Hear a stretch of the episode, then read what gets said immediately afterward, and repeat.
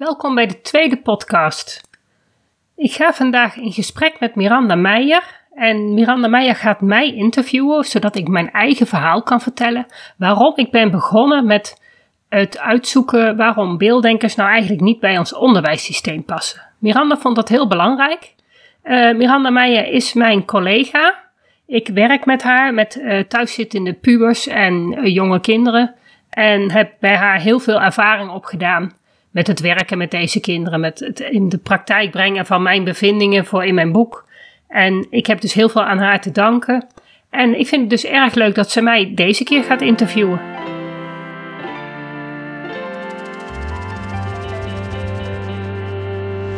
Welkom bij de Beelddenkers podcast. Ik ben Natasja Esmeijer van Beeldig Brein en de schrijfster van het boek Beelddenkers als kwartjes vallen. Ik neem jullie mee in de wereld van de beelddenkers. Beelddenkers zijn creatieve, intelligente en zorgzame mensen, maar ze hebben moeite met onze vluchtige, snelle maatschappij. Dat begint al op school en het werkt door in het werkende leven. Ik ga in gesprek met leerkrachten, ouders van beelddenkers en met de beelddenkers zelf natuurlijk. In deze podcast ga ik uh, proberen mijn eigen verhaal te vertellen. En daar heb ik voor uitgenodigd Miranda Meijer, mijn collega. Ik werk al een paar jaar met haar samen. En zij kent mij goed, dus zij kan ongetwijfeld het beste mijn verhaal uit mij trekken. Hoi Miranda. Hoi, leuk dat we dit gaan doen samen. Ja, leuk hè? Ja. Um, nou, ik heb meteen al een vraag voor je. Dat is misschien een leuke manier om te beginnen.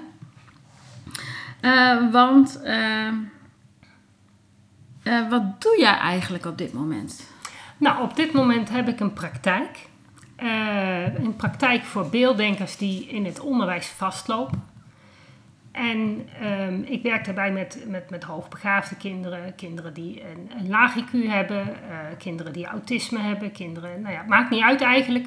Het, het komt erop neer dat het bijna allemaal beelddenkers zijn en van daaruit ga ik kijken van, nou, wat, wat hebben deze kinderen nodig?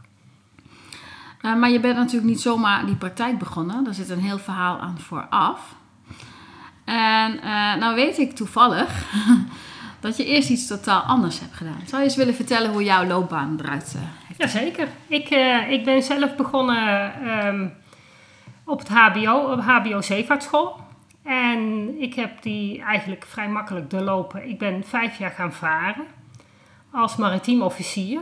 Dat betekent dat ik en op de brug als uh, stuurman gewerkt heb. Maar ondertussen was ik dus ook machinist in de machinekamer. En wat ik eigenlijk aan boord heel erg geleerd heb. Ik was natuurlijk vrouw in een mannenwereld. Ja, dat is wel bijzonder. Ja, dat is heel, heel anders. Uh, dus uh, wat ik daar geleerd heb, dat hoe het voelt om anders te zijn uh, dan de rest. Um, aan de ene kant werd ik heel erg geaccepteerd. Maar aan de andere kant werd er bij mij ook altijd vraagtekens gesteld van ja, uh, is het misschien wel verstandig uh, dat zij de machinekamer ingaat als vrouw? Ik, heb heel veel, ik ben heel veel tweede stuurman geweest. Dus ze stopte me als allereerste op de brug. Ja. Daar kon ik dan niet zoveel schade aan richten, dachten ze. Ja, daarna moest ik toch naar de machinekamer. En meestal viel het dan toch wel mee. Maar dat is eigenlijk wel een hele mooie les die ik later heb meegenomen. Dus eigenlijk moest je steeds maar bewijzen dat je het wel kon. Ja, ik moest steeds weer opnieuw bewijzen dat ik, dat ik als vrouw daar, mij daar prima staande kon houden. Ja. En is eigenlijk ook altijd goed gegaan. En nou ja, op een gegeven moment toen uh, werd het ook best wel heel gevaarlijk. Uh, vooral als je afgelost werd. Okay. Uh, je werd over, er kwamen steeds meer overvallen. En ik had inmiddels mijn man al vijf jaar daarvoor had ik die al ontmoet. Dus op eigenlijk mijn allereerste reis aan boord kwam ik mijn man tegen. Dus we hadden een beetje vreemd bestaan van uh, elkaar twee maanden zien en dan weer allebei drie, vier maanden op zee. Dus we wilden ook een beetje vastigheid. Ja. Toch ook wel prettig dat je het huis wat je hebt, okay. ja, dat dat een beetje bewoond blijft. Ja. Dus, dus ik ben toen op een gegeven moment gestopt met varen en ben in de techniek gaan werken bij een, een, een wasserij. En ook daar kwam ik heel erg tegen dat ik mij moest bewijzen, want ik, ja, ik zat natuurlijk in de technische dienst. Ja. Dat is niet wat, uh, ja, over het algemeen dat werken er weinig niet. vrouwen. Nee, nee. dus uh, ik vond het wel heel leuk werk. Dat was op een gegeven moment alleen lichamelijk een beetje zwaar. Hm. Um, toen ben ik nog, een, nog één reis gaan varen. Toen heb ik met, op, op de kust, eh, kustvaart gezeten. Oké. En dat was echt heel erg leuk. Zat ik met een Poolse eerste stuurman. En nou, die was helemaal blij met mij. Ik was natuurlijk als HBO eh, opgeleide stuurman. Ja, was ik eigenlijk veel hoger opgeleid dan hem. Ja. Dus dat, eh, die was, ja, hij kon eindelijk eens een keer in zijn bed blijven liggen als de lading, eh, als, de, als de luiken open moesten en zo. Terwijl hij Ja. dat altijd moest controleren. Maar, dus die was wel blij met mij. En ja, dat, dat is een hele leuke tijd geweest. En toen ben ik gaan werken bij de revalidatieservice. Ja, die techniek is toch wel iets wat er, wat er dan in zit. Maar dat is ook meer met mensen eigenlijk. dat is meer met mensen. En daar ben ik er eigenlijk achter gekomen dat ik heel goed één op één met mensen kon werken. En dat ik dat ook heel leuk lijkt, Hm. eh, vond. Ja. En dat ging me eigenlijk best wel goed af. Beter dan dat ik verwacht had. Dus daar heb ik inderdaad ook weer heel veel geleerd. En eh, kwam ik natuurlijk ook met kinderen te werken. En natuurlijk Beperkingen. kinderen met beperkingen. Ik kwam natuurlijk voor de rolstoel, niet, eh, Nee. verder niet. Maar dat, dat opende bij mij wel de ogen. Dus op een gegeven moment eh, kwam ik bij een jobcoach. Ja. Want eh, nou ja, ik was eh, dat laatste bedrijf, ja, dit was steeds dat ze contracten bij de gemeente hadden die dan weer afliepen. Dan werd ja. ik weer ontslagen. Ik ben daar drie keer aangenomen Oh, en drie keer ontslagen. en drie keer ontslagen. Dus ehm, Er nou zat ja. geen toekomst in. Nee, voor mij zat erop. Ik werkte natuurlijk ook maar één of twee dagen in de week. Ik had inmiddels twee kinderen. Mijn man die vaart nog steeds. Dus die was zeggen, elke dat- keer drie ja. maanden weg. Dus Aha. dan in je eentje die kinderen. En mijn kinderen waren geen makkelijke kinderen. Ach nee. Goh, nee. Nee. eh regelmatig s'nachts wakker. Eh, ze hadden, ze Van hadden begin af aan. Van het begin af aan, Ja. ja. Eh, niet dat ze heel moeilijk waren. Ook niet, niet qua gedrag. Maar lastig slapen. eh, Ja, ze hadden gewoon hun aandacht nodig. Ja, nou ja, als je er dan alleen voor staat. Tenminste toch, ja. Ja, de helft van de, De tijd helft van de tijd er alleen wel. voor. Ja, Dat vind ik toch, eh, nou dat is een hele opgave. dat is zeker een hele opgave. En eh, het heeft me ook wel weer gezorgd dat ik mijn kinderen echt goed kende. En wist wat ze nodig hadden. Ja. Achteraf bleek dat de jongste autistisch is. Of in ieder geval eh, niet zwaar, maar ja, heeft wel last van autisme. Het is gelukkig heel slim, dus ze kan een heel eind compenseren. Maar ja, dat brengt toch wel problemen met zich mee. Ja. En die moet je toch elke keer wel weer oplossen.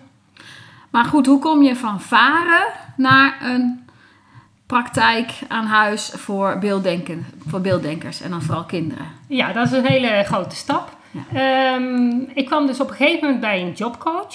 En Ja. die jobcoach is het eerste, een van de eerste dingen die zij mij vroeg van... Goh, denk jij in beelden of denk jij in taal? En ik had echt zoiets van, waar heb, waar heb je het over? Ik had geen idee. Nee. Dus ik ben naar huis gegaan. Ik heb er maar eens even rustig in mijn, in mijn hoofd nagedacht van... Ja, wat doe ik eigenlijk? Ik dacht, nee, inderdaad, ik denk in taal. Had geen idee dat dat ook op een andere manier kon. Ja, Ja, dat hoor ik nog steeds vaak terug. ja. Je denkt er niet over na of, of de manier waarop jij denkt of dat iemand anders dat anders kan doen. Je Omdat je gewoon, ook praat natuurlijk. Ook, maar ook iemand die in beelden denkt, die praat wel gewoon. Je hebt wel taal. Dus Ja, het is juist ook een logisch heleboel dat je in taal denkt. Ja, Ja, nee, dat, dat is ook. eh, ja. Maar, maar je, je- dus niet logisch. het is niet logisch om erover na te denken of iemand anders misschien wel eens op een hele andere manier zou kunnen denken. Ja. Maar dat was mijn allereerste kennismaking eigenlijk met, met beelddenken.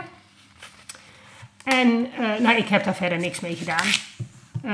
Niet. Nee, nee, want het was gewoon een gegeven. En op een gegeven moment, mijn, mijn dochter, de oudste dochter, die, nou ja, wij merkten al toen zij klein was dat zij best heel eh, vlot alles oppikte. Echt toen ze een jaar of twee was, kon zij al tot twintig tellen en weer terug. Eh, ze, ze, ze, als, ze, als ik met haar aan het wandelen was en in de buggy, dan kreeg ik hele Jip en Janneke verhaaltjes eh, kreeg ik terug. Die luisterde ze dan in de auto en dan Oh, ja. ja, en dan, Ja. Die, had ze, die onthield ze dan. En dan Ja. waren we aan het rijden. En hoppakee, dan kwam zo'n heel verhaaltje. Was ze 2,5 of zo. Dus we hadden echt wel op, op de speelzaal al zo van... Goh, nou, het, het gaat best goed met haar. ja. Maar je kon dus ook vergelijken met andere kinderen dat je dacht, hé, hey, dit is anders. Ja, nou, ik had natuurlijk niet heel veel andere kinderen. Maar je kon echt wel merken dat zij eh, inderdaad alles snel oppikte. En ja, ook met de zwangerschapsschema hadden we natuurlijk nog een paar kinderen die we dan regelmatig zagen. En dan zag, merkte je echt wel dat zij het, ja, ook, ook eh, de onderwerpen die wij bijvoorbeeld in de auto behandelden, voordat ze naar de kleuterschool ging, hadden we Ja. al eh, de dood behandeld. En Oh ja. ziektes en oorlog. Alles was al een keer langsgekomen. Ja. En ze had de meest fantastische oplossingen. Helaas konden die niet uitgevoerd worden. Maar ja, je merkte gewoon al, ze dacht over heel veel dingen na. En ze had heel veel brede interesses. En oftewel, toen wij haar aanmelden bij school, hadden wij zoiets van eh, bij de directrice van nou, let op. eh, zij gaat het niet eh, heel moeilijk krijgen. Nee. Nee, de, de, de directrice, dat is geen probleem. We hebben hier eh, een beleid dat als, als er gerekend wordt, dan rekent de hele school. Dus als zij met de rekenen voorop loopt, mag ze rustig al naar de volgende klas. Kan ze mooi op niveau, kan ze dan haar rekenwerk of taalwerk of wat dan ook, kan Ja. ze dan gewoon doen. Nou, zij naar school. En die eerste twee jaar vond ze het ook hartstikke leuk. Ze had goede scores, A of A+. En eh, dus wij hadden aangegeven en toen... eh, Even tussendoor, hoe oud, eh, hoe lang geleden hebben we het over? Eh, dat is, ze is nu 18, dus dat is 14 jaar geleden. Kijk, want de, wat ondertussen wordt er veel meer getoetst als toen, hè? Op toen al wel veel getoetst, maar misschien op een andere manier. Ze kreeg al wel toetsen. Jawel, maar ik geloof dat je in de kleutertijd, dat je er twee hebt of zo, misschien, dat is het dan. Volgens mij eind van het jaar hadden ze een toets. Dus Ja, het is niet zo intensief. Nee, er Nee, werd nee, niet intensief zo bovenop gezeten zoals je dat nu zeg maar wel ziet. Nee, dat, Dat maar ze had wel, ik weet wel dat zij A-plus scores had. Ja. In de kleuterklas al. Ja. En Maar het was, er was gewoon nog wel iets meer, genoeg ruimte voor haar om zich op haar eigen manier zij te ontwikkelen. helemaal, en ze haar, was helemaal eh, blij daar. ja. Eh, ze had het echt naar de zin. Ze kreeg wel extra werkjes. Dat hadden Mhm. wij al bij de juf aangegeven. Ja, Die juf die had dat, die pikte dat ook goed op. ja, En eh, dus ze kreeg gewoon een extra werk. Ze hadden al twee verplichte werkjes op een dag en dan was er voor haar nog een derde. ja. En dan, eh, en dan hoefde ze een van die andere twee niet te doen als ze dat niet wilde. Dus dat ging eigenlijk prima. Dus, en op het eind van groep 2 ging ze ook gewoon al een beetje lezen. Mhm. En dat ging eigenlijk heel vlot. Dus eh, Ja, waarschijnlijk. nou, er waren kinderen die veel beter konden lezen hoor. Dat, dat. Er was echt een jongetje, nou, die, die, die kon het hele Smokshanne verhaal al eh, Oh. in het dialect kon die voorlezen. Dus ja, dat, ze viel daar niet in op.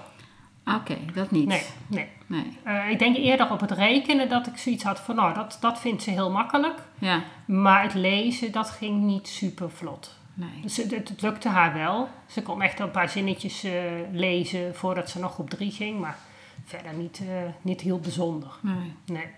Maar ja, toen in groep 4, had ze, oh, groep 3, toen had ze zoiets van ja, nou, ga, nou gaat het gebeuren. Ja, nu gaan we leren. nou gaan we leren. Leuk. Nou, dat was na een week, Was was, dat was, de, was de lol eraf. Want ja, ze leerde daar niks. Nee, Dat heeft ze ook letterlijk tegen mij gezegd, mama, ik leer niks op school. nee.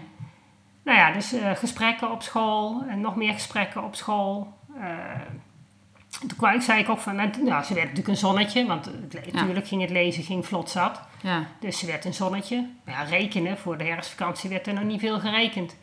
Terwijl ze juist zo zat te wachten op dat rekenen. ja. Nou mag ik. Dus ik al met de, met de, naar de ouderavond van, ja, goh, kijk uit, ja, let ook op het rekenen. Van, ja, het lezen, dat werd er wel eh, gestimuleerd. Maar ja, met het rekenen, toen ze daar eindelijk mee begonnen, ja, bleek dat het ook sneller ging. En zij kreeg dus moeilijkere sommen. Ja, En die mocht ze zelf uitvogelen. En tegen de tijd dat de klas zover was, moest ze wel de uitleg volgen. Je kan natuurlijk geen les krijgen zonder uitleg. Dat kan niet. nee, maar dat is eigenlijk dan mosterd naar, naar, naar de Dat maaltijd. Want ze had zelf al wat verzonnen. Ja, ze had het zelf al uitgevonden. Ja. Heeft ze dan ook de eigen manier van rekenen ontwikkeld op die manier? Weet je Nou, dat niet? volgens, mij, volgens mij doet ze dat wel. Uh, rekening heb ik nooit geen problemen mee gehad. Ik denk wel uiteindelijk dat ze begreep wat de bedoeling was. Ja, ja. ze dat toch er wel ingevogeld. Ja, dat heeft ze wel Ja. zelf eh, op zich wel goed, eh, goed eh, onder de knie gekregen. Ja, Lezen, dat, dat ging op zich ook prima. Maar dan Ja. merkte je wel van, goh, ze was ook snel moe na een bladzijde lezen. ah, ja. Kostte haar wel moeite. Ja, Ja, toen groep 4. Groep 4, toen vond ze het echt... Oh ja, we hebben toen in groep 3 nog wel een heel gesprek gehad. Ehm, en dan hadden ze ook zoiets van... Goh, ja, maar... eh, ik had ondertussen in de bibliotheek het boek Hoogbegaafd van eh, Tessa Kieboom eh, gevonden. ja. En, Dus ik ben zelf gaan lezen. Ja. Ik, ik vond het wel allemaal heel interessant. Ik was eigenlijk Mhm. ook altijd al bezig met, met een beetje analyseren van... Goh, hoe doet zij het en hoe doet een ander kind het? Ik vond het gewoon machtig interessant. En... ehm, maar ja, tijdens die gesprekken op school... hadden ze wel zoiets van... Ja, dan moeten we toch een IQ-test doen. ja. Nou ja, dat Omdat jullie hadden aangegeven van nou, Ja, van, nou, ze zou ze eens hoogbegaafd Ze kunnen zou wezen. hoogbegaafd kunnen zijn. Want Ja. alle, alle kenmerken klopten. Ja, want Tessa Kibo heeft ook een boek geschreven. eh, ik weet niet of je die gelezen hebt. Over eh, Jij kan beter. Het gaat vooral dan ook over onderpresteren. Nee, die heb ik niet Die heb jij niet gelezen, nee, oké. nee. Het was echt dat eh, Ja. als je kind ge- geen Einstein is. Oh ja, die ja. Dat boek. Ja. Ja. Maar ja, dan, dan gaan er wel heel veel luiken open dat je denkt van... hé, hey, dat kan dus ook nog. Ja. Toen kwam ook dat stukje beelddenken wel weer bovendrijven. Al benoemt Tessa Kieboom dat niet. Die gaat puur op het hoogbegaafdheid. Ja, zitten. klopt. En die zijnsluiken en... Ja. Nou ja, goed, dat, dat, ik zag een heleboel dingen terug, maar ik had wel zoiets van... nou, of ze nou echt hoogbegaafd is, dat betwijfelde ik ook een beetje. Nou ja, goed, dus eh, uiteindelijk eh, een IQ-test laten doen. En daar kwam 120 uit. Hm. Nou ja, dan ben je dus niet hoogbegaafd. En dan is het op school ineens patsboom afgelopen. Ja, Ja. ze is niet hoogbegaafd, dus doen we niks. Nee, want de norm is 130. De norm is 130 en Dus ja, haal je dat nog 10 niet? hele punten achter. Onder, ja, de- echt niet. Dus als je dat niet haalt, Nee. dan kun je het niet. Nee, nee. Dat was nee. tenminste toen nog de redenatie. Toen was zeker nog de redenatie. En er werd ook niks meer gedaan vanuit school. Eh, Nee, dat is wel het enige wat ze mocht doen was een, eh, spreekbeurt houden. Oh ja. Daar hadden ze iets, ah, weet je, dan een beetje extra uitdaging. Ja. eh, mag je spreken. Dus toen heeft ze een spreekbeurt over dinosaurussen gehouden. Echt al van hadden we, eh heb ik natuurlijk een heel groot stuk met haar uitgezocht. En eh, zo over het ontstaan van de dino's met de eerste fossielen. En, nou ja, en, hoe het dan eindigde met de dino's. Hadden we een mooi powerpointje van gemaakt. En die heeft ze netjes gegeven. Voor Ja. groep 3 en groep 4. Ja, Want de, de juf van groep 4 vond het eigenlijk ook wel grappig. Die zei oh, tegen de klas van, ga er ook maar maar. bij zitten. En daar had ze totaal geen moeite mee. Dat Nee. vond ze heel erg leuk om te doen. Dus dat, dat beurde haar dan wel weer een beetje op. ja. Dat ze in ieder geval ja, het jaar doorkwam. ja dat Ja. is het dan ook eigenlijk. Ja, nou, ze, ze liep ook met spelling en met, met lezen liep ze gewoon op niveau. Ja. Rekenen zat ze daar wel boven. Haalde ze eigenlijk altijd wel goede cijfers voor. Mhm. Mocht ze ook zo dat rekentijger en zo mocht ze dan doen. En toen in groep 4, toen kregen we natuurlijk de tafels. Ja. En ja, dat ging niet zo makkelijk. Oh, wat Ta- raar. ja, de tafels vond ze lastig. Ja. Dat, dat, dat, dat, echt dat erin stampen, dat, dat lukte niet. Maar ja, het probleem was wel een beetje, omdat zij toch met rekenen zelf, dat ging er heel gemakkelijk af. Ja. Dus ze, was wel al, ze kon het wel redelijk vlot uitrekenen. Ja. Dus op een gegeven moment had ze de tafel van zes eh, geleerd. Maar die mocht ze daarmee niet laten horen aan die juf. Oh, nee, maar die was niet aan de beurt nog. Die was nog niet aan de beurt. Nee. Dus dat, was, dat, dat soort dingen, dat... Dus dat- eigenlijk heb je een, een, een, een, ja, eigenlijk is het een verhaal van doorlopend eh, teleurstellingen. Willen laten zien wat je kan. Eh, maar eh, ja, dat dan nog niet mogen. En op het moment dat het aan de beurt is, ja, dan hoeft het voor jou eigenlijk nee, niet meer. nee, Want ja, jij was kan. alweer verder met wat anders. Ja, ja, toch een soort overleefstand zouden we dat nu noemen. Ja, op dat moment weet je het allemaal ook niet. nee, Want- en ik als ouder, ik zag het wel aan. Ik heb echt soms huilend in bed gelegen. Dat ik Ja. dacht van, nou hebben we weer wat afgesproken. En ze doen En ze niet. doen er niks mee. Nee. Dat was echt gewoon zo sneu om te zien. Ja. Dat je denkt van, ja verdorie. En je kunt zelf eigenlijk zo Je weinig. kan hè? helemaal niks. Want je verwacht gewoon als ouder dat school daar verstand van heeft. Ja. Dat een school, een leerkracht weet hoe een kind in elkaar zit en wat voor problemen die kan hebben. Ik bedoel, ik had geen moeilijk kind, geen gedragsproblemen. Nee. Ze ging alleen niet, niet, niet met plezier, naar- ze ging eigenlijk nog wel met plezier naar school, maar ze had gewoon het idee dat ze er niks leerde. Nee. En dat is gewoon jammer, want daarvoor ga je naar school. Ja. Terwijl ze had genoeg vriendinnetjes, dat was allemaal geen probleem. Ze voelde zich wel steeds onzekerder. Ze werd ook steeds meer gepest. En hobby's en zo? Dat soort dingen? Of was ja, daar deed ze heel op? veel. Ze was, jawel, nee, dat ging goed. Ze zat op het circus. Ja. En ze zat op judo. En ze zat op zwemmen. En nee hoor, da- daar zocht ze ook wel haar uitdaging. Compenseren eigenlijk voor Ja. wat ze op school miste. Ja, dat Ja. was ook Ja, een van de kan. tips die ik kreeg op school. Ja, zoek het maar na school. Ja, dat is ook lekker makkelijk. Heel makkelijk.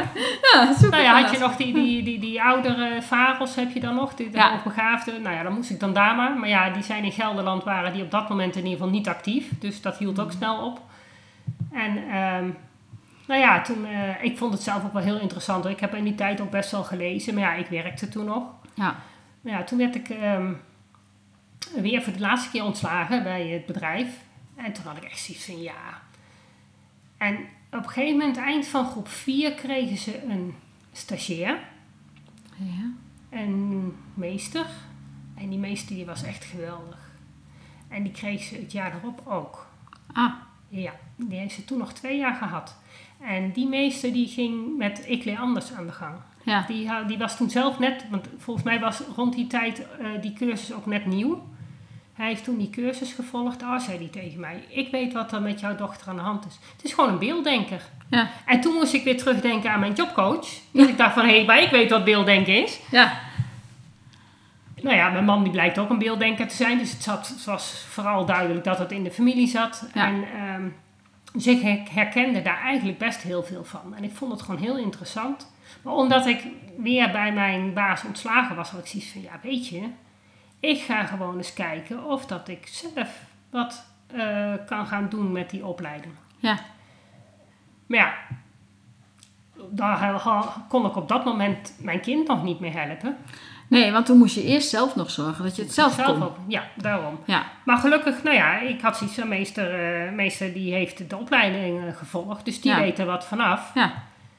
Dan zou je dus verwachten dat hij ook met mijn dochter aan de gang zou gaan. ja, dat zou ik dan wel logisch vinden. Zou erg logisch zijn. Hij zegt van, nou, Eureka, ik ja, heb het voor ik je. heb het voor je. Gaan we fixen? Ja, alleen Nee, mijn dus- dochter scoorde te goed. En dan krijg je dus geen hulp. Nee. Is toch Want zij, zij scoorde C'tjes en B'tjes en. A'tjes. A'tjes voor het rekenen. Dus waar maken we ons druk om? Ja, nee, ze scoort er goed genoeg. Dat, dat kreeg ik elke keer horen. Ja, ze scoort goed genoeg, dus daar gaan Ja. we verder geen Ze- moeite in Dat steken. is wel gelukkig maar ach. Ja, bijzaak.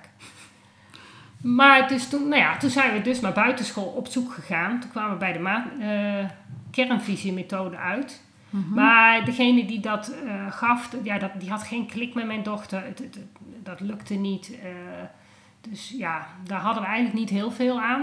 Nee. Uiteindelijk heeft die meester ehm, buitenschool toch nog een keer met mijn dochter om de tafel gezeten. Ja, Nou ja, dat was voldoende. kijk. En toen was het eigenlijk klaar. Sinds die tijd ehm, ja, had ze weer zelfvertrouwen. Ze begreep zichzelf. Ja, En dat straalde ze ook uit. ja. Dus ze werd niet meer gepest. Nee, zij is gewoon heel goed eh, eh, eh, in het compenseren. Ja, Hè? Wat, wat op school niet lukt, dat doet ze daarbuiten wel. Dus de balans te vinden, heel belangrijk. Eh, ehm, doordat jij die zoekweg met haar bent gegaan en, en het, het hele beelddenkverhaal, want waar je jezelf in hebt, hebt geschoold, daar, ja, daar vertel je thuis over. ja, Nou, dat is voor haar voldoende, want ze leert makkelijk. ja Om het op te pikken. Gewoon op. En toe te, pakken, te passen. Ik denk dat jij dat ook hebt. Dat ik ben zelf geen beelddenker. Ik doe het Nee, maar dat je makkelijk andere leert. Dat je ik makkelijk leer, leert. leer wel makkelijk, ja. Want Ja. als ik hoor dat jij eh, eh, ja, toch een groot gedeelte voor de opvoeding van je kinderen eh, alleen voor staat. En dat gaat dan niet vanzelf. En je moet het thuis natuurlijk allemaal runnen. En dan werk je ook nog. Eh, en dan ga je dit soort dingen allemaal nog doen. Nou, toen Nou. werkte ik niet meer, hè? Nee, toen Toen werkte Oké. ik niet meer. Maar Dus goed, ik had het, eh, ja, maar dat dan wel- maar Ja, dan nog- Ik, had- ik vond het gewoon ook heel erg interessant. En inderdaad, ik, ben, ik, ik kan het vrij makkelijk ehm, oppakken. Wat, wat ik ook heel erg merk is... ehm, de meeste mensen die over dit onderwerp een boek schrijven of een cursus geven... zijn zelf beelddenker. Ja. Ik ben dat niet. Dus ik kijk er met andere ogen tegenaan. En ik kan mijn analytische brein, Mhm. wat het linkse brein is... Ja. dat kan ik erop loslaten. Ja. Vandaar dat ik overal ehm, al die stukjes uit kan pakken. Ja. Wist ik in het begin natuurlijk allemaal nog niet. Die heb ik in de loop der jaren verzameld. Ehm, daar, vandaar dat ik het op een hele andere manier heb kunnen samenvatten. Ja, ik, eh, eh, nou ja, ik ben dus wel een beelddenker. En eh, de dingen uit jouw boek, zeg maar, hè, waar ik de woorden niet voor kan vinden, ja, die heb jij perfect opgeschreven. Dat, het, ja, het brengt inderdaad de beide werelden bij elkaar. Ja, want jij kan dat. Ja, jij, jij hebt het gevoel erbij, wat bij mij dus minder aanwezig is. Ja, Waardoor ik juist weer kan toetsen dat het inderdaad wel klopt. Want dat is lastiger weer als taaldenken. Van ja, ik kan het wel opschrijven, maar klopt het wel? ja, En dat heb ik dus inderdaad in de loop der jaren hier op het atelier, maar ook met mijn andere klanten natuurlijk, Mhm. heb ik dat ook langzaam opgebouwd. Want in het begin had ik alleen ik leer anders, want ik ben natuurlijk, omdat ik zag dat bij mijn dochter die, die opleiding zo goed, eh, of, of ja, die methode zo goed pakte. ja, daar ben je mee zegt, "Ah, begonnen. Ik ga die Ja. opleiding doen. Ik heb toen ook wel gelijk Brain Gym erbij gedaan, omdat Mhm. ik zoiets heb van ja, alleen ik leer anders, vond ik een beetje magertjes. Ja, En mijn zus heeft zelf ook eh, allemaal beelddenkers. Mijn zus is ook een beelddenker. Dus het is mij niet helemaal vreemd. Eh, En die kinderen, ja, eentje met ADHD, eentje ook een autist. eh, die andere is gewoon alleen maar hooggevoelig. Maar die was ook al met dat brain bezig. Ja. Met die liggende achten en de kruisloop. Ja. En dat vond ik een heel goed idee. Dus ik heb die opleiding ook gedaan. En daardoor kijk je dus inderdaad al wel weer met andere ogen ook naar dat ik leer anders. Ik leer anders is eigenlijk een methode waarbij je in je hoofd ehm, informatie zoals woorden opschrijft. Ja. Waardoor je het later als plaatje weer terug kan kijken. Oh ja, Omdat je als, als beelddenker juist in plaatjes goed kan denken, ja, kun je ook plaatjes terughalen. Dus je kunt ook bewust plaatjes maken ja. En weer teruggaan. en weer terughalen. Dus op die manier werkt dat. En dat, ik zie bij heel veel kinderen dat dat werkt, maar ik zie ook een aantal kinderen die gewoon echt meer nodig hebben. Ja. Dus elke keer als ik weer een klantje had, kon ik ze wel helpen, maar was ik nooit helemaal tevreden. Dus vandaar dat je toen maar nog een opleiding bent gaan doen. Nou, dan ging ik nog maar weer een opleiding doen of een boek lezen, want niet overal is een opleiding voor. Mhm. En dat hoeft ook niet altijd. Nee. Eh, vaak als ik een opleiding had gedaan, ging ik kijken van ja, maar wat is dan de basis? Welk boek ligt daar aan de basis? Want dat Ja. was ook heel vaak het geval. Dan ging ik dat weer uitpluizen. Eh, en als laatste kwam ik eigenlijk bij een opleiding over hooggevoeligheid. Ja. eh, van dokter Esther Bergsma. Dat is echt een hele fijne opleiding geweest. Waar ik heel veel geleerd heb. Mhm. Maar ook dat ging vanuit het hoogbegaafdheid, eh, hooggevoeligheid. En ik dacht van ja, dat is allemaal heel leuk. Maar hooggevoeligheid, dat is niet een centrale eigenschap waardoor je bepaalde gedachtegangen hebt. Dat heeft te maken met, die, met dat beelddenken of het taaldenken. Ja, je hebt eigenlijk de, de link gevonden die al die verschillende en het autisme en het eh, hooggevoelig zijn, hoogbegaafdheid met elkaar verbindt. Ja, ja het gaat eigenlijk, het, is, het heeft puur met de breindominantie te maken. Van Ja. welk, welke hersenhelft, onze hersenen bestaan uit twee helften, welke hersenhelft is bij jou dominant? En dat, dat is hetzelfde als dat je met je linker of met je hersen, rechterhand schrijft. Mhm. Dat kun je eigenlijk maar met één hand goed. De Ja. andere hand kan het wel, maar maar kan maar één hand kan het goed. Ja. En zo werkt het ook met je brein. En dat is dus gewoon erfelijk vastgelegd. Ja. ook geen invloed op. Nee. En dat heeft dus wel heel erg van invloed op hoe jij denkt en hoe jij met informatie omgaat. En toen ik dat ontdekt had, ja, toen viel er voor mij heel veel op de plek. Ja, de vallende kwartjes. De vallende kwartjes. En die kwartjes zijn heel wat gevallen. Eh, maar hoe kom je er dan bij om te zeggen dat eh, beelddenkers en het onderwijssysteem niet samen passen? Want dit is eigenlijk een soort eureka. Terwijl aan de ene kant zeg je, ja, het is eigenlijk logisch dat het bij je brein ook zo is. Want je hebt ook hè, een linker of rechterhand. Dat snapt iedereen en dat vindt iedereen heel normaal. Terwijl over dominante breinen, eh, ja, daar hoor ik eigenlijk niemand over. Nee, dat klopt. Nee, dat, nou, het is natuurlijk wel bekend. Eh, het is inmiddels wel bekend dat, dat de meeste beelddenkers met de rechte hersenhelft denken. Zover zijn ze inmiddels wel.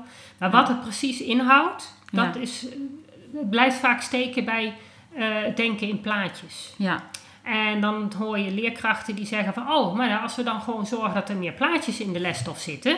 ja, dan, dan gaan de, zijn de beelddenkers ook tevreden. Maar zo Ja. werkt het dus niet. nee. Dat is de grootste misvatting die er is. Een beelddenker moet je geen plaatjes voorschotelen. Een Nee. beelddenker moet je plaatjes in zijn hoofd laten maken. Ja. En dat kan niet pas als hij begrijpt waar hij mee bezig is. Ja. Dus door lesstof vanaf het alleronderste stukje op te bouwen... en dan elke keer een stapje erbij... dan kun je geen plaatje opbouwen. Ze moeten Nee. eerst het plaatje hebben, het hele plaatje hebben... en dan pas kun je stapje voor stapje gaan inoefenen... wat je daarvoor moet doen om bij het totale plaatje te komen. Ja. Oftewel, dan heb je dus het top-down leren. Dat is het stukje top-down leren. En top-down leren is bekend, maar Ja. wordt alleen voor de hoogbegaafde kinderen toegepast. Eh, ja, maar weten leerkrachten eigenlijk ook al voldoende überhaupt wat het is? Of is het van, nou, dat doen ze met de plusklas? Eh, Ik denk dat het vooral het laatste is, dat doen ze bij de plusklas. Ja. Eh, want ze weten, kijk, hoogbegaafde kinderen zijn per definitie beelddenkers. Ehm, tuurlijk heb je ook hoog intelligente kinderen. Dat zijn de, de, de kinderen met een linksbrein die ook in plaatjes denken. Ja. Ehm, maar dat is, dat, is, dat is toch wel weer een andere categorie. Die zul je ook niet snel in hoogbegaafde onderwijs tegenkomen. Die kunnen met het gewone onderwijs prima uit de voeten. Ja. Omdat dat wel, die hebben wel die, die opbouwende structuur nodig. Maar hoogbegaafde kinderen die dus van oorsprong een beelddenker zijn... die hebben het echt nodig om eerst dat plaatje te krijgen. En hoe hoger jouw intelligentie, hoe harder je dat nodig hebt. Vandaar dat ze bij de hoogbegaafde kinderen is dat zo overduidelijk dat ze daar wel inderdaad erachter zijn gekomen. Oh, als wij top-down les geven, oftewel eerst het hele plaatje schetsen en Ja. dan pas kijken wat heb je ervoor nodig. Ja, Ehm, dan zijn die kinderen in ieder geval eh, geholpen. Maar er is nog zo'n hele grote groep die niet hoogbegaafd is. Eh, Ik bedoel, beelddenkers die komt ook komt in alle IQ's voor. ja, Dus ook bij de laagbegaafden, of dat gewoon grootste groep, de normaalbegaafden. Ja. Er zitten ook beelddenkers tussen. En die hebben dus ook dat top-down lesgeven nodig. ja. En die krijgen dat niet. En die krijgen dat niet. Misschien op een. Kijk, daar, daar mag het plaatje misschien minder groot zijn. Mhm. Kijk, bij een hoogbegaafd kind moet je het plaatje heel groot maken. Ja, Zijn ze iets minder begaafd, mag dat rustig een wat kleiner plaatje zijn. Anders dan kunnen ze het ook weer niet begrijpen. nee. Maar die hebben zeker wel dat top-down lesgeven Ja. nodig. En dat is eigenlijk heel makkelijk in ons onderwijssysteem in te, vouwen, te bouwen. Ja, het is eigenlijk niet zo moeilijk. Het is helemaal niet moeilijk. Nee. Maar je moet even doorhebben, je moet eigenlijk even weten wat nou het verschil is tussen beelddenken en taaldenken. En wat het, de- het verschil is in hoe je informatie verwerkt in je hoofd. Ja. ja, en dat het ook niet zo is van oh, als ze maar hard oefenen, dan leren die beelddenkers dat ook wel. Om het Eh, op de taalmanier te doen. Nee, dat werkt Nee. niet. Dat, hoe vaker je oefent, want oefenen is iets waar ze echt een gruwelijke hekel aan eh, hebben. Ja. Ik zei heb ook eh, een, een, een quote, allergisch voor moeten. Ja. Eh, Daar zijn ze ook heel goed in. Echt, als er iets moet, nou dan haken ze gelijk af. Ja. Ze moet, het moet in één keer goed zijn, ze moeten het in één keer kunnen. Ze zijn uiterst perfectionistisch, omdat ze het, het plaatje al in hun hoofd hebben. Ze weten precies hoe iets zou moeten zijn. En als zij be- bedenken van, nou, ik denk niet dat ik dat kan, dan beginnen ze er ook gewoon niet aan. En dan kan het ook niet fout gaan. Kan het ook niet fout gaan. Dat is wel heel logisch. Kun je ook je eigen gevoel een beetje beschermen. Ja, ook. Want je bent natuurlijk ook heel gevoelig. Ja. De meeste beelddenkers zijn best wel heel gevoelig. Dat je het ook niet los van elkaar kan zien. Je kan niet Dat- zeggen, oh je hebt eh hoogbegaafde eh, kinderen, je hebt hooggevoelige kinderen. Je hebt kinderen met autisme, je hebt gewoon de gewone beelddenkers. Die krijgen dan weer ADD vaak opgeplakt. Je kan niet in diagnoses denken. Nee, het zijn gewoon kinderen. Het zijn gewoon kinderen die een totaalplaatje hebben. En die, Ja. eh, de ene is, is meer hooggevoelig dan de ander. De andere is weer, eh, die, die heeft weer last van felle geluiden of van de labeltjes in de kleding. De derde heeft weer last van nieuwe situaties waar die in Ja. terechtkomt. Maar ze zijn allemaal anders. Ja. Het zijn wel allemaal beelddenkers die op een bepaalde manier denken. Dus je kunt niet zeggen van, nou, eh, eh, dus jouw Eureka is zeg maar niet van, eh, nou, het zijn beelddenkers en als je dat maar zo en zo zo doet, dan zijn ze allemaal tevreden. Nee. Het is geen diagnose. Nee, Het is geen stoornis. het is een manier van zijn. Het is gewoon een manier van zijn. Ja. Ja, zoals iedereen zijn eigen manier van zijn heeft. Maar deze is wel compleet anders dan de taaldenkers. Ja, En natuurlijk heb je een grote groep mensen, zeker als je volwassen bent, dan ga je hersenen ook steeds eh, verder ontwikkelen. Dus dan krijg je ook steeds meer van die andere hersenhelft erbij. Dus op een gegeven moment, als je wat ouder bent, is het wat minder expliciet. Maar dus kun je ook die andere hersenhelft goed gebruiken, die eigenschappen. Ja. Maar je zult altijd wel eh, je voorkeur houden. Je krijgt wel een grote groep mensen die dus een beetje in het midden zitten. Mhm. En- En als ze onder stress staan, bedoel, zeker eh, in deze tijd staan veel mensen onder Ja. stress. Dan, eh, dan, dan komt eigenlijk wel weer jouw dominante hersenhelft eh, bovendrijven. Dus ja. het is hoe dan ook eigenlijk van, van voor iedereen van belang om te weten welke hersenhelft dominant is. En of je een taaldenker of een beelddenker Ja. bent. En, en, en dan is het vooral belangrijk dat je begrijpt hoe jij denkt. Mhm. Dat je dat voor jezelf accepteert. Ja, En dat je dus je leven zodanig aanpast dat dat gewoon voor jou goed werkt. Heb je dat geleerd van je dochter? Want dat is eigenlijk wat je zei over je dochter. Van nou, ze heeft, toen ze wist hoe het in elkaar zat, heeft ze dat gewoon geaccepteerd. En heeft eigenlijk de rest daaraan aangepast. Zo van, oké, ik doe dat dus zus en ik doe dat dus zo. Ja, klopt. Dat heb ik van haar geleerd. Maar ik heb het ook in de, de training van Esther Bergsma geleerd. Want dat is haar model. Ja, Eh, Het BABA-model. eh, begrijp, accepteer, eh, begeleid en eh, alternatief. oh ja. Dat is het BABA-model. Maar ehm, ik zag het inderdaad in mijn dochter ook al terug. ja. Hoe is het Ja. met, eh, met jouw dochter nu? Ja, goed. Ze heeft vorig jaar haar eh, gymnasiumdiploma gekregen. Gekregen. Gekregen, ja, corona hè. Dus eh, dus Ah, ja. ze mocht geen examen doen. Dat vond ze eigenlijk helemaal niet leuk. Nee. Maar uh, nou ja, ze heeft uiteindelijk de hele gymnasium doorlopen. Nou, kijk. Ze kreeg wel op een gegeven moment op de lagere school had die leerkracht zoiets van ja, hm, ik weet niet of het verstandig is om naar het VWO te gaan, want ze kan wel goed leren, maar ja, die planning en zo. Ja. Beelddenkers, kijk, je kan wij Heel plannen veel. niet. heel veel aanpassen. Ja. Eh, je kan op een gegeven moment eh, weten hoe je ermee om moet gaan, maar er blijft ehm, vaak een vertraging. Er blijft vaak ja, dat planprobleem. Je, je kan de problemen niet wegpoetsen. Nee. Dus je moet er een manier mee vin- vinden hoe je daarmee om kan gaan. Ja. Maar hij had zoiets van, nou, dat is even de vraag of dat, dat wel gaat lukken. Maar ja, ze had zo'n goede CITO-score dat wij zoiets hadden van, nou weet je, als jij dat graag wil, ga het maar lekker proberen. Zo is dat. Eh, je kan altijd nog terug naar de HAVO als het niet lukt. Mhm. Maar ja, ze heeft het tot 6 VWO, eh 6 gymnasium heeft het volgehouden. Kijk. En ze had op het laatst wel moeite met wiskunde, omdat dat heel erg stapsgewijs opgebouwd is. Ja. Dan moet je heel veel stapjes doorlopen, dat vond ze heel lastig. ja, dat blijft lastig, ja. Dat blijft lastig. Ja. Dus dan merkte ze wel dat ze daar op een gegeven moment wel tekort schoot. En ze heeft het gehaald. Dus eh, ja, ze, ze is helemaal blij. En nu? En nu zit ze op de kunstacademie. Kijk, doe maar. Ze wilde altijd de techniek in en ze had zoiets, oh ga Ja. natuurkunde, biologie, weet ik veel wat Ja. allemaal. Maar ja, uiteindelijk had ze zoiets van, ja, maar dat tekenen, dat, daar ben ik zo goed in. En dat vind ik gewoon zo leuk om te doen. Dat zij, daar kan ze haar gevoel in kwijt. Ze kan daar, Nee. ja, de hele, de hele hebben en houden kan ze erin kwijt. Ja. Ze is daar zo blij mee. Dus ze zit nu op kamers en eh, ze vindt het wel lastig. Want ze, je merkt dat zij best ook wel last heeft van prikkels. Ja. Ze vindt het veel. Maar ze redt het wel en ze vindt het gewoon echt geweldig daar. Ja, Ja. dus het, eh, eh, de combinatie van hè, eh, aan de ene kant ook veel prikkels nodig hebben. Ja. En aan tegelijkertijd ook die rust nodig hebben. Maar dat is een ander deel van je boek en daar ga je het Ja. vast nog een keer over hebben. Oh, jawel.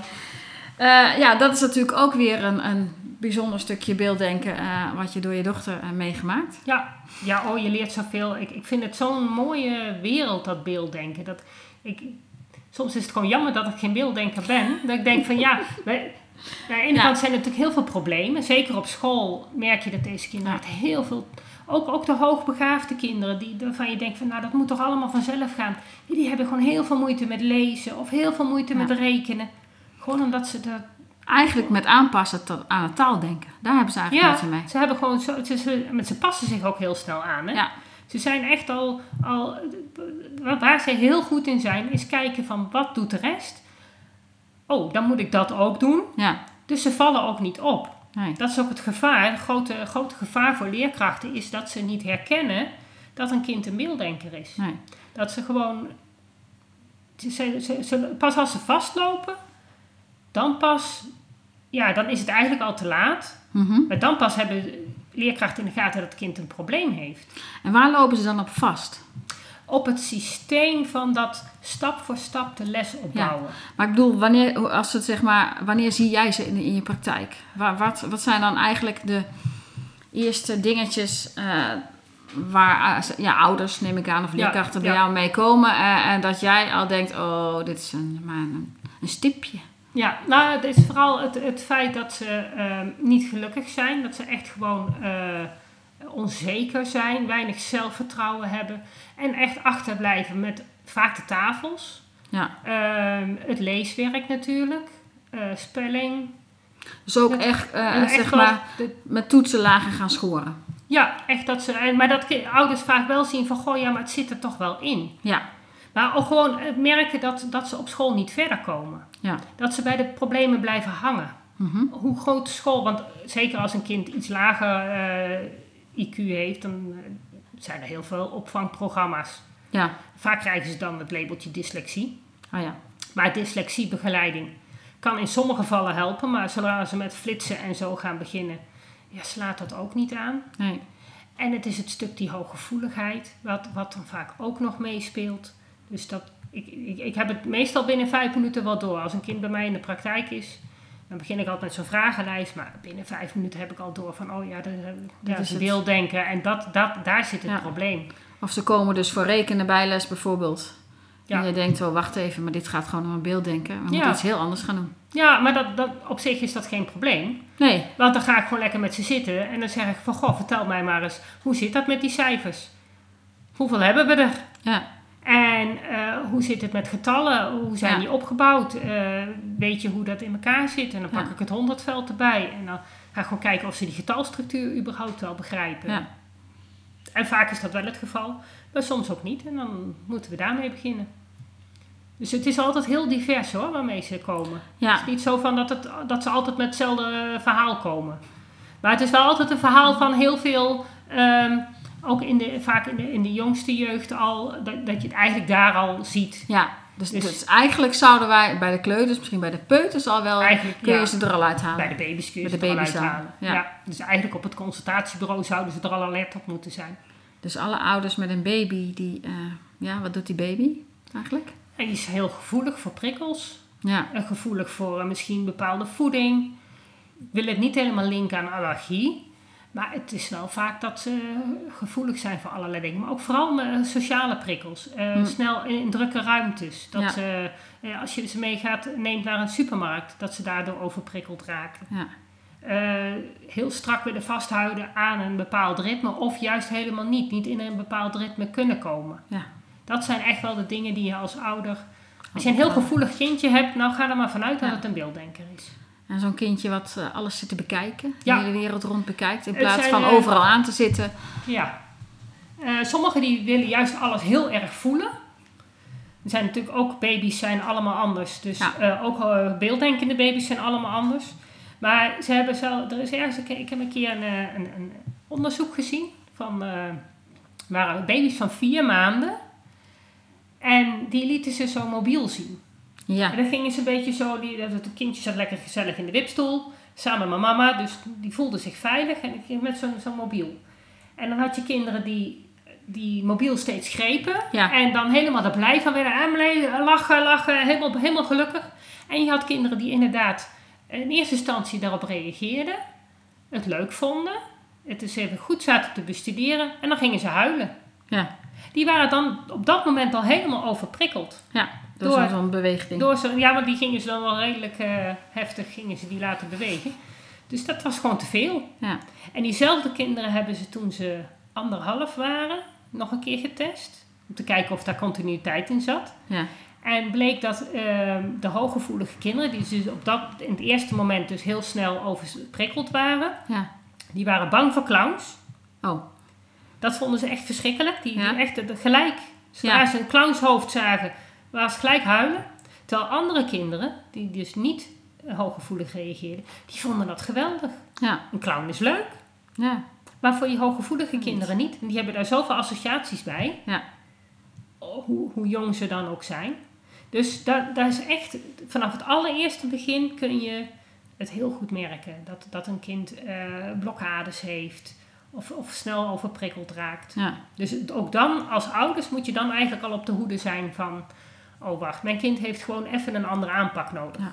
Hoef je niet ervan te schrikken. Ik bedoel, het is vervelend. Nee. Maar eh, het zijn natuurlijk ook geweldige kinderen. Ze zijn heel creatief. Ze, zijn heel, ze, ze hebben de meest wilde fantasieën. Eh, dus er zitten gewoon hele leuke dingen. Maar je moet, ja, ze hebben gewoon hun eigen aanpak nodig. Doe het En even het- anders. Ja, het hele strenge van eh, je moet je maar aan de regels houden of niet zeuren. Ja, dat, Nee. dat gaat niet op. Nee. Daar krijg je hele vervelende kinderen van. Ja. Ja, Heel ja, vervelend. ja. En, Absoluut. en, terwijl als je ze net, net een beetje anders behandelt, gewoon wel even aandacht aan besteedt, zorgen dat ze zich veilig voelen, Ja. dan kun je zulke leuke kinderen hebben. Dus eigenlijk heel goed naar je kind kijken. Heel goed naar je kind kijken. Wat heeft mijn kind nodig? En tuurlijk moet je bepaalde regels stellen. Dat heeft elk kind nodig. Maar bij het ene kind moet je het afdwingen. Ja. Omdat het anders gewoon niet luistert. En het andere kind moet je het overtuigen dat het inderdaad de beste methode Ja. is. En vooral de beelddenkers moet je overtuigen. Die moeten, als je met goede argumenten komt, nou dat is geen probleem. Moet nut hebben. Het moet nut hebben, het moet, Moet eh, logisch zijn. moet logisch zijn. In hun logica dan. In hun logica. Ja. Ja, En ze moeten het, het overzicht hebben. ze moeten het overzicht. moeten dus het- als ze van ja. tevoren weten van, nou jongens, dit gaan we allemaal doen. En ze- zeker ook, wat, ook zoiets wat, waar heel veel beelddenkers tegenaan lopen, schoolreisjes. Oh ja. Iedereen heeft hartstikke veel plezier. De Alleen- verrassing. Ja, de verrassing is niet altijd even leuk. Nee. Ik kon vroeger geen verrassingen eh, doen, maar dat vonden ze verschrikkelijk, Ja. mijn kinderen. Terwijl als ik van tevoren zei van, goh jongens, we gaan iets leuks doen. Dan hadden ze me toch al lol. Ja. Maar dan wisten ze wat er ging Ja. gebeuren. En dan is het geen probleem. Maar Maar wist ze ook zeker dat het leuk was. En wisten ze ook zeker dat het leuk was. Vaak ook vaker naar hetzelfde gaan, zodat ze het al kennen. Ja, ja. En niet als ouder denken van, oh, het is leuk om elke keer wat nieuws te gaan doen. Dat hoeft niet eens. Dat hoeft Nee. vaak niet. Want vaak op het moment dat, dat ze er al een keer zijn geweest, krijgen ze dan zoveel associaties opborrelen van, oh, dat was leuk, dat ze zich op dat moment al gelukkig voelen. Ja. Dus, en als het elke keer nieuw is, moeten ze het eerst weer elke keer helemaal gaan ontdekken. Dus eigenlijk is het veel makkelijker. Ja, Het zijn eigenlijk hele makkelijke kinderen. super makkelijke kinderen. We moeten, we moeten gewoon allemaal leren niet zoveel meer te doen. Ja, Laat me lekker lopen. ja coronatijd, Goed. ideaal voor beelddenkers. Absoluut. Geen geknuffel, geen, eh, geen handen schudden, geen kussen. eh, lekker een beetje afstand, lekker rustig, weinig prikkels. Ja. Lekker online les. Ook dat. Als ik Ja, dan geen zin meer het- heb, dan ga ik gewoon wat anders doen. Ja, nou ja, of, of nee, het is prikkelarm. Dus je kan je concentreren op hetgene wat je moet leren. En je hebt geen vervelende kinderen die zitten te kletsen in de klas. Of kinderen die, die ergens heen lopen. Of een eh, vliegje dat langs zoomt. Ja, die kun je thuis ook hebben. Maar Kun je thuis ook Ja. Thuis heb je natuurlijk wel weer het probleem dat je computer vlak naast je staat en dat dat gamen wel erg verleidelijk is. Dus Ja, dat. Daarom zeker als het dan niet zo boeiend is. Dan, ja, dan ga je gewoon dan haken ze af. Dus dan ligt het eraan hoe wordt de les gegeven. Zijn ze inderdaad eh, bereid om te investeren in hun tijd? Hebben, zij, Ja. hebben ze genoeg motivatie? Als ze weten waarom ze het moeten doen, heeft de beelddenker genoeg motivatie. Maar als die verteld wordt, je moet het doen, waarom dan? Ja, daarom. Ja, nee, dan geen motivatie en dan gaat hij het echt niet doen. Nee, maar dat zie je natuurlijk ook in, in beelddakken, zeg maar, die, die vastlopen. Ja, Eh, dan is het van, ja, maar ze hebben alle kennis, hè, het is allemaal wel langsgekomen. Ja, dat klopt. Maar als jij jezelf uitzet, hè, gewoon niet meer meekrijgt en zeker in je gedachten, er zijn beelden genoeg. ja. Dan vermaak je je prima, dat ziet niemand. Maar je krijgt echt niet meer mee wat de juf je aan het vertellen is, of Nee, de meester. klopt. En zodoende bouw je dan ook eh, Je achterstand op. achterstanden op. Ja. Nou ja, dan Totdat komen ze bij jou en bij mij terecht. Ja, En dan eh, mogen wij het weer oplappen. zoiets, ja. Zoiets, ja. ja. Is er nog iets wat je... mm, ja, Nou ja, ik heb natuurlijk Mee wilt geven al aan de mijn, eh, mijn kennis natuurlijk in mijn boek geschreven. Dus dat is Mhm. natuurlijk wel een leuke afsluiter. absoluut. Ja, dus mochten mensen terug willen lezen, dan kan dat. Nu weten jullie waar het vandaan komt. Ja, komt er nog een Ja. tweede boek? Of heb je alles in één boek kunnen ploppen? Eh, Nou, ik, er komt wel een tweede boek, maar dat wordt wel een beetje dezelfde materie, maar dan meer op de beeldbankmanier uitgesplitst. Dit boek is eh, gewoon geschreven als kennisbron. Mhm. Eh, het is wel compact geschreven, ehm, met zo min mogelijk tekst. Maar het is natuurlijk nog steeds heel veel tekst. Wat Ja. ik nu ga doen is eigenlijk zorgen dat ik een soort puberversie ga maken. eh, wat ook voor volwassenen geschikt is. Mhm. Waarbij veel meer ehm, interactie is. Dus eh, met QR-codes dat je naar een eh, website kan. waardoor de dingen... En dan ga ik het ook voorlezen. Dat mensen niet meer zelf hoeven te lezen. Maar dat is nog toekomstmuziek. Je zit niet stil in ieder geval. Ik zit niet stil. Nee, dat, op het moment wordt het boek vertaald naar het Engels. Oké. Dus eh, Ja, je hebt daar ook eh, zijn we ook druk mee bezig. buitenlandse... Nou Ja. ja, en, en Ja, Nederlands het is- zijn natuurlijk ook niet- anderstaligen. Het is natuurlijk niet gebonden aan alleen Nederland. Heel, Nee. Het is over de hele, ja, de hele mensheid. eh, ongeveer een vijfde van de mensen is een beelddenker. En dat heeft niks met de ras of met... Nee, Het heeft ook niks met mannen of vrouwen te maken. Eh, iedereen. iedereen kan het hebben. Ja, het is wel echt genetisch bepaald. Dus het, is wel, het komt wel van je ouders. Dus als jij een baby krijgt, hebt en je denkt ik wil vast wat doen, dan kan je in ieder geval voor jezelf alvast uitzoeken hoe het bij jou zit. Ja, als jij en, en met je partner natuurlijk. En to- En als je dan een beelddenker bent, dan vast de trainingen gaan volgen. Dan kun je alvast in ieder geval het boek lezen en eh, kijken van... eh, er komt als het goed is nog een keer ooit een boek voor, voor jonge ouders, maar zover ben ik ook nog niet. Nee, maar goed, eh, kan nog even toch? Zo oud ben je nog niet. Nou ja, en als mensen acute vragen hebben, mogen ze me altijd stellen. Dan kan ik altijd kijken of ik daar nog een keer uitgebreid antwoord op kan geven. Of misschien wel dat in een podcast terugkomt. En dan zetten we dat in een podcast en dan gaan wij weer om de tafel zitten.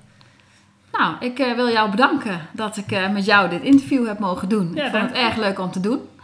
En eh, goed dat jij je eigen verhaal ook weggezet. En ik ben heel benieuwd naar alle andere podcasts. Dat was het weer voor vandaag. Bedankt voor het luisteren en superleuk dat je erbij was. Ik hoop dat je weer een beetje meer ontdekt hebt hoe gaaf, maar ook hoe lastig het kan zijn om een beelddenker te zijn in een wereld die is ingericht voor taaldenkers. Wil je meer weten? Lees dan mijn boek Beelddenkers als kwartjes vallen. Wil je op de hoogte gehouden worden van alle informatie die ik deel over beelddenkers in het onderwijs? Klik dan op de abonneerknop in je podcast-app. Wil je dat er meer mensen op de hoogte zijn van hoe beelddenkers anders denken? Laat dan een review achter, zodat er steeds meer mensen in beweging komen om het beelddenken serieus te nemen. Heb je nog tips of vragen? Of ben jij of je kind een beelddenker en wil jij je verhaal delen? Laat het me gerust weten. Wil je als ouder of leerkracht echt weten hoe het allemaal werkt bij je kinderen of bij jezelf? Kom dan naar een van de cursussen. Duik helemaal in het onderwerp en kom erachter dat beelddenkers helemaal niet zo anders zijn en best in ons onderwijssysteem passen, als je maar weet hoe ze denken. Ik geef speciale cursussen voor ouders en voor professionals. Voor meer informatie ga je naar www.natasjaesmeijer.nl.